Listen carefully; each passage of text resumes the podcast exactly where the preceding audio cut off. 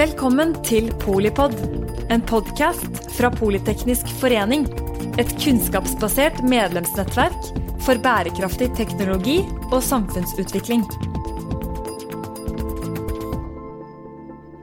Velkommen til denne samtalen om eh, lederskap og ledelse når eh, alt er i endring. Eh, mitt navn er Trond Kleivane. Jeg er styreleder i Great Place to Work, som sammen med Politeknisk forening står som arrangør for dette den store samtalen. Utgangspunktet er at vi lever i en verden som er eh, mer og mer uforutsigbar. Den preges av eh, endringer, store skift. Eh, både de som er synlige, og som vi alle liksom, kan ta og føle på, og de som er litt mer usynlige. Altså synlige type covid, eh, Ukraina-krigen, påfølgende energikrise. Andre ting er kanskje litt mer snikende eh, og kommer inn mer indirekte, men er ikke mindre alvorlige. Um, og Da tenker jeg på ting som klimakrisen, som jo er en stor krise som etter hvert mange har et forhold til, men ikke alle. Vanskelig å ta tak i. Eller hele teknologi-, cyberutfordringen, eller Kina. Uh, Kinas ambisjoner, eller trusler mot demokrati, uh, rettssikkerhet osv. Det er veldig mange ting som gjør at vi er i, i endring. Odd Inge Bjørdal direktør for teknologi og drift i Sopra Steria. Eh, Silje Skjelsvik, leder for klimainnovasjon i Sveko. Velkommen.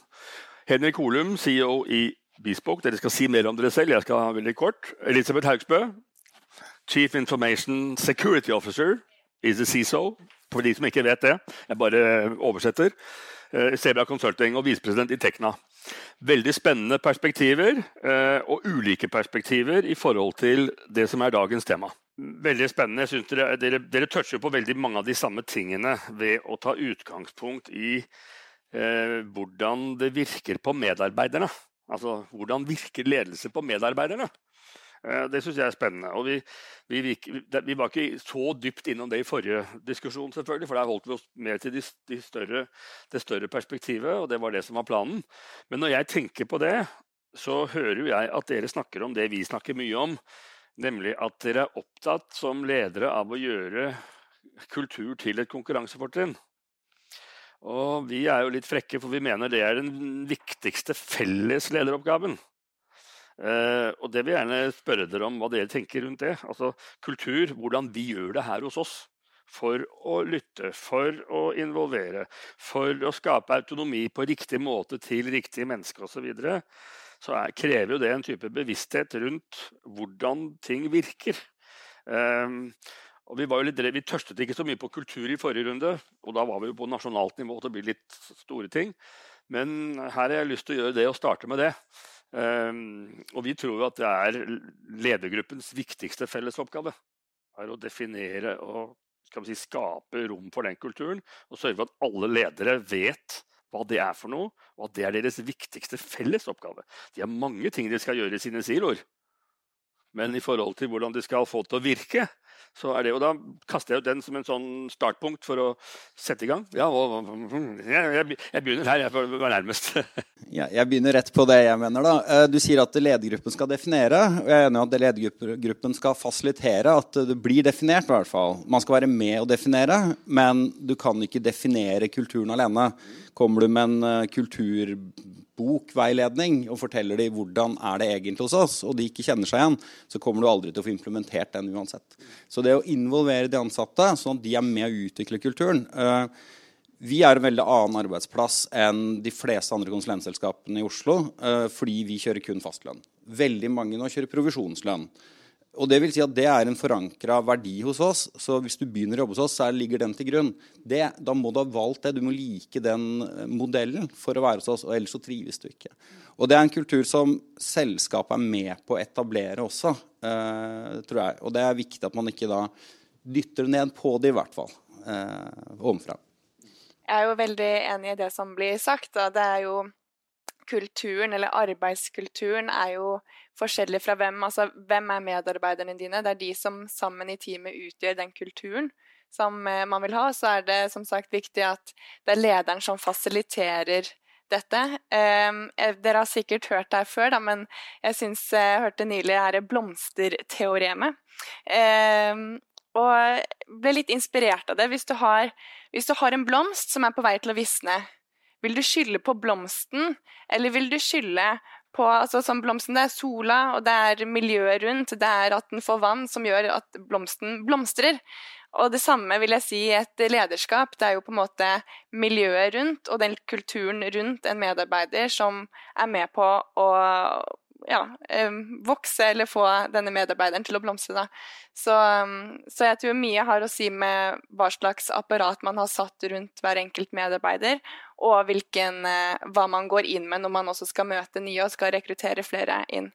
Jeg vet jo i hvert fall hos oss syns det er veldig spennende i den eh, gruppa på energi, klima og miljø så er vi kjent for å ha et veldig godt eh, samhold, en veldig god arbeidskultur eh, i forhold til mange andre eh, ulike grupper innenfor andre fagområder. Jeg vet ikke om det er nødvendigvis knyttet til identitet, men noe har vi gjort riktig.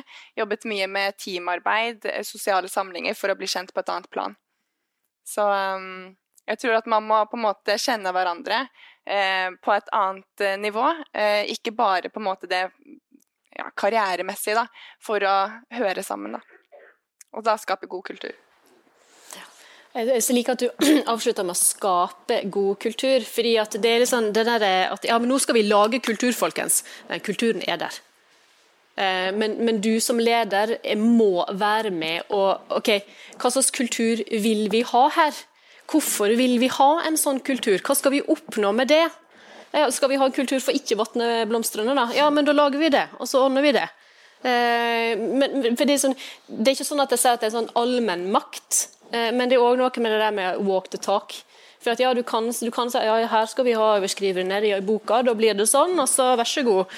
Det, det er ikke sånn det fungerer, at det vil jo komme motreaksjoner. Eh, og hvis ikke din ansatte kjenner seg igjen, blir inspirert og har lyst til å være med, så vil de ordne noe annet. Og kjempe imot. Eh, og Det er jo ikke noe du ønsker for et selskap, for det er jo ikke intensjonen til selskapet. i det hele tatt. Her skal jo vi egentlig jobbe som et team for å få levert det vi skal, om det er et produkt, eller om det er en tjeneste, eller om det er ja, endring. Altså, det, Vi må slutte å si at vi, ja, vi, vi må nære, ja, nære kulturen, kanskje. Gi den næring og rett. Ja, nei, jeg tror kultur er den viktigste suksessfaktor for enhver virksomhet. Eh, og jeg tror også at det er et lederansvar å skape den riktige kulturen i en virksomhet. Uh, ikke top down uh, med organismen etc. Men man må ta et ansvar som leder for å skape den kulturen. Veldig mange ledere skylder jo på at kulturen er feil. Da gjør du ikke jobben din som leder. Da er jobben din faktisk å endre kulturen, slik at du kan oppnå de målene du faktisk har. Så det tror jeg er veldig et tydelig lederansvar å, å, skape riktig kultur i forhold til det du trenger for å oppnå suksess i virksomheten. Men du mener at det er en eh, kritisk faktor for produktivitet, eh, resultater, suksess på alle måter? Det er jo noe av det vi lurer på i Sopra Steria. Da. Det er jo når vi har hatt den veksten vi har hatt. Eh, når jeg begynte der, så var vi under 200, totalt usynlig markedet. Men vi har egentlig hatt den samme kulturen hele, hele, veien. og Hvordan har vi på en måte klart det? Altså, vi er egentlig litt overraska selv over hvor godt vi har klart å, å bevare den kulturen. da. Og Vi jobber jo mye med det vi kaller power of sharing. Vi mener jo at virk, Virkningsgraden i en kunnskapsvirksomhet det er at han vet noe som du trenger for å gjøre jobben din. Hvordan får vi kobla dere to sammen? Eh, og så tror mange at det kan løses gjennom struktur og systemer. Det kan det ikke, for verden endrer seg så fort. Så det må bygges med kultur. Så En av mine viktige oppgaver som leder er jo hvis du spør om noe, så vet jeg at du skal snakke med, med han og sørge for at det er mulig. Men også sørge for at han tør å spørre. For det er det vanskeligste med power of sharing. Det er ikke at det er mange som vil dele. det er at Hvis ingen spør, så er det vanskelig å dele også. Så, og hva kreves det for å spørre? Selvtillit. Hvis du ikke har selvtillit, så tør du ikke å spørre. De beste konsulentene spør med en gang. Og Så får de gjort 80% av jobben for noen andre har gjort det, og så kan de bruke tid på å skape verdi på toppen av det. Det er kultur. Det er bare kultur som kan skape det. Så det er helt fundamentalt i å skape en, en god virksomhet. Det Jeg har lyst til å egentlig gi det, det motsatte på det der, eh, som er den der silovirksomheten som vi ser, og gjerne i litt større selskap, der du på en måte har prøvd å lage en struktur for å håndtere ting. Og når jeg sier ting, så mener jeg folk Ikke, ikke, sånn som du sa, at du, ha, du skal håndtere systemet og prosessene dine. Nei, det var ikke du som sa det. Det var, det var, første, det var første, første, runde av det. For, for, den, for, den, er så god. for de, fleste, ja, en del, ikke fleste, men en del større selskap så har du system for å håndtere folk. Eh, og Da bygger du siloer, og da har du ikke muligheten, da er du ikke tilrettelagt for at enkeltindivid på tvers av fagfelt, som er så utrolig viktig for å oppnå ikke bare innovasjon, men, men ja, endring, altså uansett hva det skal være, om det er i henhold til det grønne skiftet eller, eller noe annet. Men du får ikke endring uten ulikhet. Eh, og hvis du da er bare sånn Ja, alle som gjør det, er her. Og alle som gjør det, er her. Og these don't touch. Eh, det er ikke ja, ikke bra. Nå touchet vi jo innom eh, innovasjon, eh, noe som jeg syns er veldig spennende. Eh, og det å skape kultur for innovasjon Innovasjon er jo noe som Norge generelt dessverre ikke er så veldig god på. I hvert fall ikke i dag. Vi ser jo andre, sånn som bare nabolandet Sverige, har jo kommet mye, mye lenger. Har et helt annet system for det. Og er det noe som man har funnet ut, er jo at kultur for innovasjon er noe som Ja, det må skapes, og det må settes, eh, men man må også sette av tid til det. Eh, også for konsulentbransjen. Det er utrolig viktig. Eh, jeg ser eh, Man vil gjerne ha innovasjon og gjennom på en måte de faste rammene hvordan man jobber eh, til vanlig, men innovasjon krever en helt Altså man må ut av boksen, man må skape rom for at uh, ulike folk kan komme sammen, riktige team kan komme sammen for å finne ut av hvordan vi kan løse problemet på en bedre måte. Mm. Så, Men det krever jo da at det er en bevissthet høyt oppe i organisasjonen om mm. at dette ikke bare skjer av seg selv hvis du ikke legger til rette for det. Apropos eh, å plante eller å så eller disse vanningen som dere var inne på i sted. Eh, og det er jo det at kultur er jo der hele tiden, men det syns jo ikke så veldig godt. Eh, så, og jeg, Vi lurer jo noen gang på hvorfor, når det er så effektivt, da. God kultur er så effektivt, og det er det eneste som egentlig virker ordentlig. Eh, hvorfor ikke alle ledere er opptatt av det hele tiden? Eh, hvorfor er det så vanskelig å få dette til å bli en del? Eh, og jeg skjønner I en stor virksomhet er det jo ekstra vanskelig, fordi da blir det fort systemer. Men en liten så er det ingen unnskyldninger, holdt jeg på å si, men det er ikke det store heller. Men dette er jo mye vanskeligere, selv om det er så viktig. Hvorfor ikke det er mer fokus på det? Ja. Vel, øh, Jeg er jo ikke enig med deg når det gjelder store og små. I de store så er det masse ressurser, så de kan jo bare ansette folk til å gjøre det. Vi må gjøre alt. Nei da. Uh, men uh, tid, det er jo alltid det store spørsmålet. Alle, jeg regner med at veldig mange her er jo i forskjellige ledersituasjoner, siden man er her sånn. Og som de var inne på før i dag, dette å skille mellom operativ tid og ledelsestid, og ikke bli så sliten av alle daglige gjøremål, at når de kommer da, og skal ha en vanskelig samtale, når de skal ha en request på et eller annet som egentlig ikke er urimelig, så er du så sliten at du ikke orker å ta stilling til det. Hvorfor skal du snakke lønn nå? Hvorfor skal du uh, be om aksjer nå? Det er mye problemstillinger. Uh, og da må du ha et system hvor du har uh, rett og slett tid og overskudd til å være den gode lederen som tilrettelegger, gjør at folk tør å stille spørsmål, for du tar de imot og kan gjøre det på en god måte. Og Der syndes det nok også blant gode ledere. Uh, personlig må jeg si at jeg syns det er mye lettere å være en god leder fordi jeg ikke har personalansvar for, og det ikke jeg jobber med hver dag. For de jobber jeg med hver dag med konkrete spørsmål og oppgaver. Og det er mye vanskeligere enn konsulentene mine som sitter ute og som kommer inn. Så møter jeg de i gangen en gang innimellom. Og da ja, så kan jeg navnet deres og hvor de er, og så får jeg fem minutter prat, og de er sånn supert. Mens stakkars Mia på salg, som jeg sitter og jobber med på anbud, og vi har dårlig tid, og vi klokka er ti på kvelden, får se alle de dårlige sidene. Uh, og det er veldig vanskelig. Og da må du få inn en kultur hvor det er lov å være menneske også, og du setter av rom. Vi har firmadager en gang i måneden hvor man jobber med kulturen, med innovasjon og forretningsutvikling. Så du har tid til å gjøre det når du ikke er utslitt, når du ikke har fylt timeplanen med møter og andre ting som du skal gjøre. Så tror jeg at kultur det skapes jo i høy grad av uh, verdiene som ligger til grunn hos ledelsen. Uh, og så tror jeg mange kanskje har fokus på det, men det er dette med at ting må være ekte. da. Og det tror jeg er veldig krevende, egentlig. Mange tror at ledelse kan man lese om i en bok. Ja, det kan man jo. Det var jeg i stad. Mange tror at man bare kan kopiere en leder som man syns er god selv, men det fungerer jo ekstremt dårlig. Så ledelse det handler jo først og fremst om hvem, hvem du er som individ. Og hvordan du faktisk kan påvirke alle de tingene du må påvirke basert på hvem du er ekte. Eh, og Det handler jo også om hvordan du står for verdier etc. Så hvis verdigrunnlaget ditt er, er, forskjellig fra den kulturen som et selskap ønsker å ha, ja, så har du ikke noe det selskapet gjør. Så enkelt er det. Likte at du tok opp verdier, men jeg kan bygge litt videre på det. Så nå er det varsel, varsel, varsel, brannfakkel her. Eh, jeg tror at det der er litt endring i i forhold til om kultur er verdsatt som en verdi eller ikke. For jeg tror alle har vært klar over at kultur er en greie veldig, veldig lenge. Eh, men det er veldig vanskelig å ha kultur som et moment inn i OKRs eller inn i Excel-arket ditt for å kontrollere penger inn og ut. Det er veldig vanskelig å måle det. Eh, så da tenker jeg ja, men da, da måler vi på det vi kan, da. Eh, og sånn som vi alltid har gjort. At eh, her måler vi på timer, på timepris. Eh, på, ja, greide en å kutte, kutte, noen kostnader nå, og så kjører vi bare videre. så, og, så, glemmer en litt den der Eller den, den, blir vanskelig å håndtere, fordi at kulturen trenger mye oppmerksomhet. Og da er vi tilbake igjen til tid. Men tid, verdier, hva fokuserer du på? Men ja, det var min brannfakkel. Jeg kan få en replikk på det. Jeg syns ikke det var noen brannfakkel i det hele tatt. Okay. Altså, da er vi tilbake til det vi snakka om tidligere i dag, eh, forskjellen på ledelse og administrasjon. Uh, vi er jo veldig datadrevet. Har jo KPI-er på absolutt alt. Det er ikke det det på en måte står på. Uh, hvis jeg bare skulle styrt på KPI-er, så hadde jeg ikke trengt ledere. Da hadde jeg bare trengt administratorer. Så ledelse det handler om når du faktisk ikke skal se på de KPI-ene. Når du skal vite at nå gjør jeg noe som på kort sikt virker mot den kopien, men på lang sikt gjør at vi blir en bedre virksomhet. Så det tror jeg er ekstremt viktig. Og det er veldig, veldig farlig hvis man nå er det veldig mye fokus på datadrevet. Man får ekstremt mye kopier på alt mulig. Hvis du lar det styre virksomheten din, så tror jeg du er død.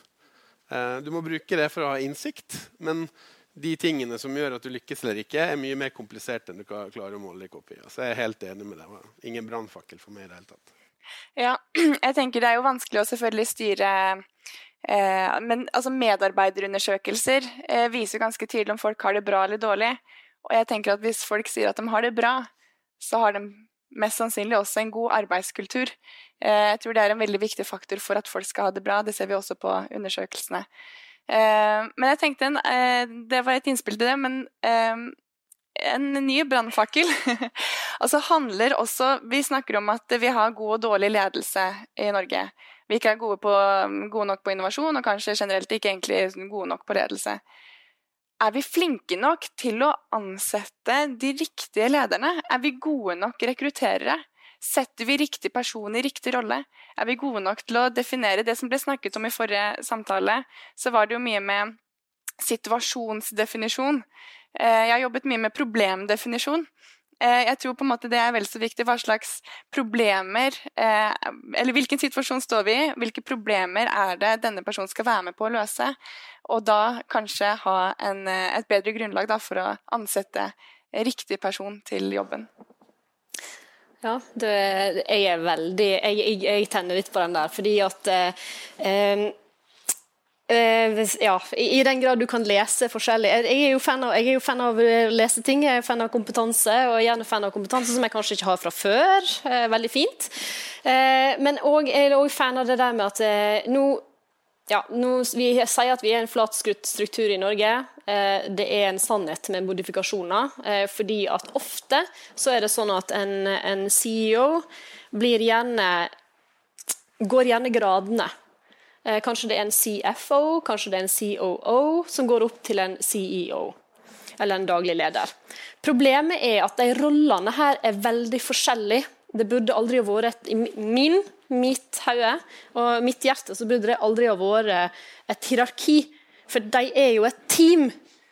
For da snakker du om administrator, altså CFO. Skal, hva skal han eller hun være, ha stålkontroll på? Jo, finansen.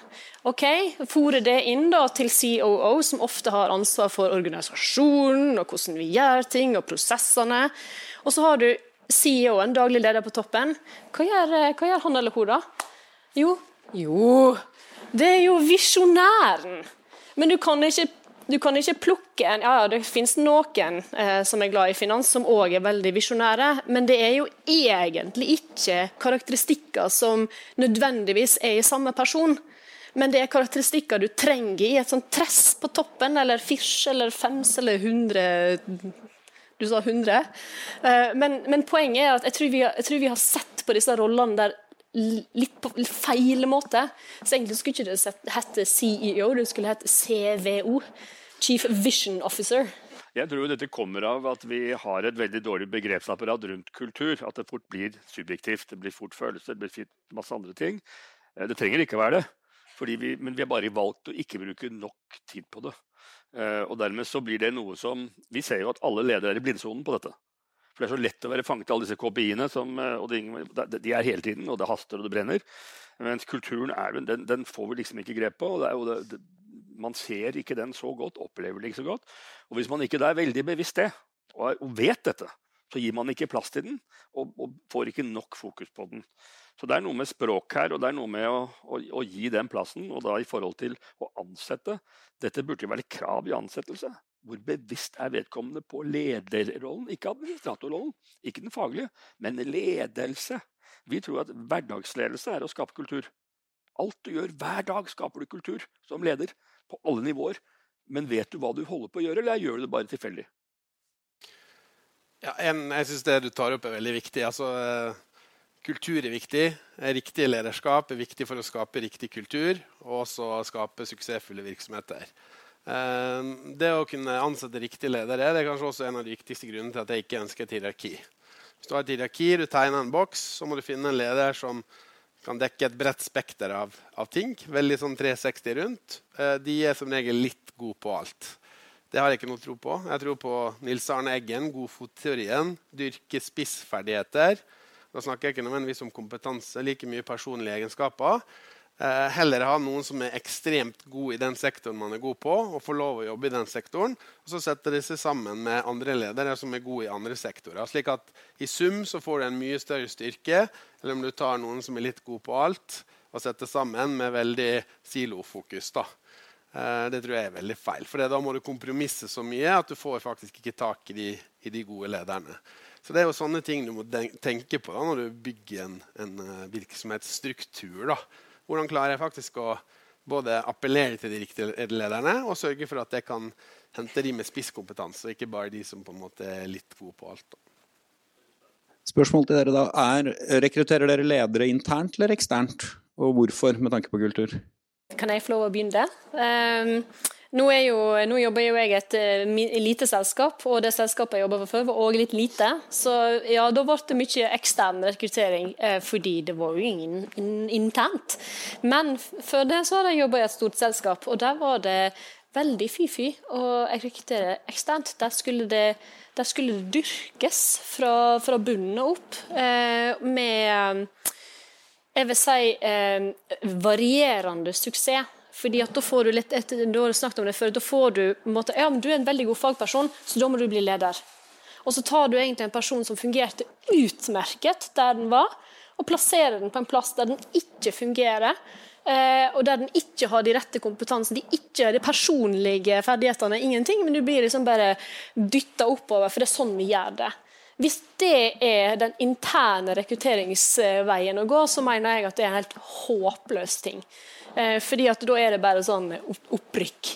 Eh, men jeg tenker jo sånn, basert på det jeg har sett her og der, da, er jo at det å ha en blanding er veldig lurt. For hvis du rekrutterer altfor mye eksternt, så vil du kanskje ha problemer med kulturen. fordi at den ønsker du å bevare når du vokser. Og da kan du ikke bare hente inn masse eh, utenfra. Men det var mine tanker. Ja, eh, jeg jobber jo i en ganske stor bedrift. 2000 i Norge og x antall titalls tusen i Europa. Eh, og vi, vi, har en kombinasjon. Eh, ansetter både eksternt og interne til lederroller. Og jeg opplever i hvert fall det som en god ting, fordi av og til er det riktig å, å ansette noen medarbeidere som har enten bygd opp noe eh, internt, jeg snakker om min egen erfaring, eh, og men av og til vil det også være riktig å hente fra eksternt, fordi av og til vil man trenge nye hoder, andre perspektiver, noen som har erfaring, og fersk erfaring fra eh, andre bedrifter, eller har vært et annet sted i, i næringslivet. Da. Så jeg vil absolutt si at en eh, kombinasjon virker, i hvert fall etter min erfaring, som en god ting. En, en siste, vi, har, vi, har, vi, begynner å nærme oss slutten, men en, en siste runde bare. Hva gjør dere for å, for å utvikle gode ledere. Hva gjør dere for å utvikle gode ledere? Dere er jo mer enn gjennomsnittlig opptatt av god ledelse og, og, og lederskap. Uh, og Derfor er det veldig spennende å høre hvordan dere tenker. Men hva gjør dere for å sikre og utvikle egne ledere altså i organisasjonen? Hva er, hva er grepene, hva er triksene? Er det noe råd dere kan komme med? Eh, vi har et lederutviklingsprogram som vi begynte med i fjor, samtidig som vi begynte med ledere. Så alle fikk jo prøve seg først eh, litt ufaglært. I dag rekrutterte vi jo internt. Vi hadde jo da drevet på en del år, og jeg var egentlig eneste leder i bedriften. Og det blir jo litt sånn uh, vanskelig på sikt. Og det vi har brukt mye tid på da, er jo å ha ledersamlinger hvor du går opp hele ledelsesfilosofien. Hva er tanken bak, hvordan skal du agere, vanskelig samtale og disse tingene. Så du tar alle trinnene da, i lederutdanning. Den kom nok for sent for mange uh, inn da, for da var de allerede i gang. Men det vi gjør nå, er jo at vi begynner denne prosessen med alle som har jobba med fem, seks, sju års erfaring, går inn i en type lederutviklingsprogram. Og da er det ikke for å bli konsulentleder eller toppleder, det er et personlighetsutviklingsprogram, egentlig, hvor du lærer om personlighetstype, personlighetstrekk. Eh, du kan få veldig mye forskjellige roller og ansvar hos kunder og personer, men det er mer utvikla som person enn som uh, leder direkte. Uh, selv om du får litt av begge leire. Og Det har fungert veldig bra. Det motiverer veldig mange av de ansatte også til å tenke litt ut av boksen. Det trenger ikke bare være en operativ ansatt lenger. De kan se å, nå er jeg kunde, å, ja, dette har jeg litt erfaring med, nå kan jeg være med i den samtalen, nå kan jeg ta initiativ til fordi at du vet hvordan du skal forholde deg til situasjonen da, på en bedre måte. Så uh, det å ta aktiv stilling til lederutvikling, hvert fall, det tror jeg er veldig viktig. Mm. Ja, det kan jeg si meg veldig enig i. Bare for å spille litt på det som ble sagt i forrige panelsamtale at eh, kommer man opp til et visst ledelsesnivå, så har du ikke tid til å utvikle deg, eller aktivt eh, oppsøke utvikling. Eh, da får jeg i hvert fall en liten sånn rød alarmknapp. Fordi jeg mener, spesielt sett i samfunnsperspektivet vi står i i dag, vi har mange kriser på, på en gang. Jeg ble jo født i 1994, som ble nevnt eh, her, OL, eh, rett etter eh, feiringen. og jeg ble født i en tid der hvor det var veldig fredelig. Jeg hadde aldri forestilt meg at vi skulle oppleve en storkrig i Europa, i hvert fall gjennom min levetid. Men det, det vet vi i dag, at eh, den fredstiden var snarere eh, en eh, det, var, det, var, en spesiell tid. Ja, unntaket. Mm. Og jeg tror at eh, ledelse er et fag og et område man må utvikle, og det er eh, noe som man må oppsøke selv. Eh, og det handler mye om både liksom hard skills og soft skills. Vel så mye de soft skillsene med type kommunikasjon, formidling, bli gode til altså sånn altså omsorg, se folk, fordi det er så forskjellig når du skal lede ulike mennesker. De har ulike behov. Men du må alltid også ha et blikk ut i samfunnet. Hvilke endringer er det som skjer der? Eh, hvordan er min eh, gruppe, mine nærmeste medarbeidere, hvordan påvirkes vi f.eks. av krigen eh, i Ukraina? F.eks. av klimakrisen? Jeg tror mye av grunnen til at vi ikke klarer å takle f.eks. klimakrisen på en bedre måte, er at vi ikke sitter med den kompetansen også i ledergruppene.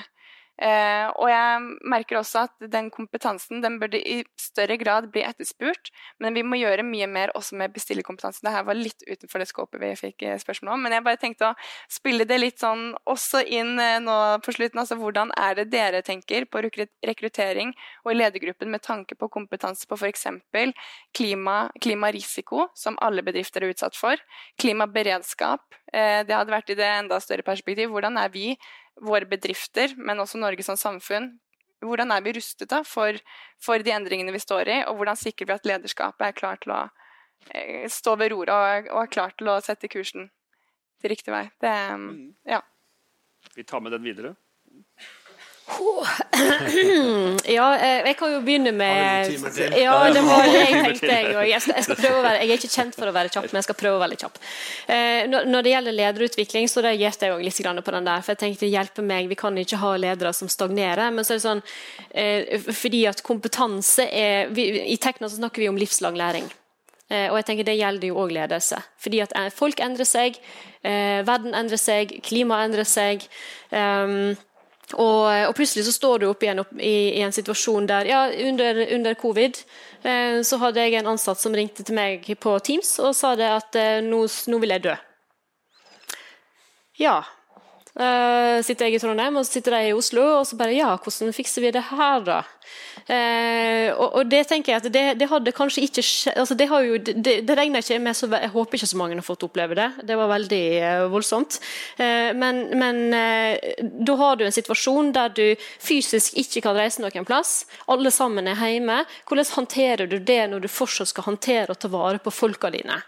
Eh, og så blir en liksom, ok, men Hva har jeg gjort feil da, for å, den, for å ende opp i den situasjonen? her? Har, har en mista evne til å se folk? Det, altså, her var det selvfølgelig mange, mange eh, elementer som spiller inn.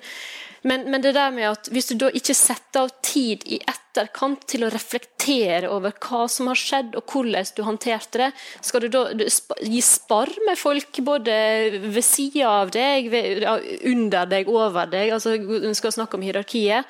Eh, men så er det å ta opp en, en, en podkast jeg hører på NHH sin ledertaffel. Der er det mye spennende å høre.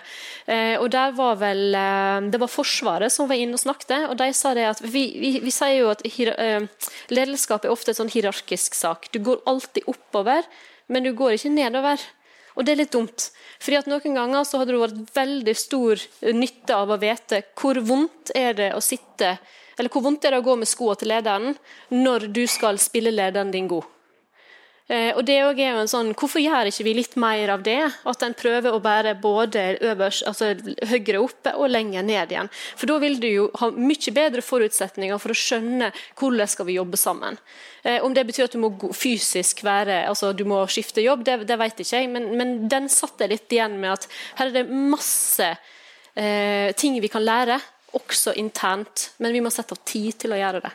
Eh, også bærekraft, det har ikke vi tid til. Det, nei da. ja, jeg skal prøve å være kort. Eh, det at man har en raushet til at det er forskjellige måter å løse ting på, det med spisskompetanse, og at man egentlig er veldig ulik, og at det er en styrke. da. Og Det er man kanskje for dårlig på i starten av sin, sin lederreise, men etter hvert så lærer man å sette pris på det i mye større grad, for det blir mye sterkere totalt sett. Og så tror jeg at lederutvikling må skje gjennom hver dag. Og det, du snakker om kaffeprater. Jeg også pleier å snakke om kaffeprater. Jeg hadde med meg sønnen min på sånn jobbskygging. Så han går jo bare til å si til alle at nei, pappa han bare drikker kaffe. Det eneste han gjør, liksom. For han var med på fire-fem sånne kaffeprater på morgenen. Før det var et budsjettmøte med Kjell Rusti, så han fikk jo both flavors. Men, eh, men eh, ja, lederutviklingsprogram og alt sånt, det er bra og viktig å gjøre. Ikke at det er feil, men eh, det du får gode ledere av, det er å Snakke med dem hver dag. Ovenfra og nedenfra. Og så tror jeg også det er viktig å bygge selvtillit i en ledergruppe. da. For det at hvis du skal forbedre deg, så må du ha en evne også til å være selvkritisk. Og Hvis du ikke har selvtillit, så mister du evnen til å være selvkritisk. Da går du ned i skyttergravene hver gang noen påpeker noe du kunne gjort bedre. Da lærer du ingenting. Så det å feire, ha god feiring hver gang du får til noe stort, hver gang du får til noe lite, bygge selvtillit for faktisk å tørre å være selvkritisk, tror jeg er ekstremt viktig i en ledergruppe. Jeg tror det var eh, siste ord. Takk for det. Eh, tusen takk til eh, panelet. Takk for at du lyttet til Polipod fra Politeknisk forening. Få med deg flere episoder, eller bli med på nettverksmøtene som du finner på at polyteknisk.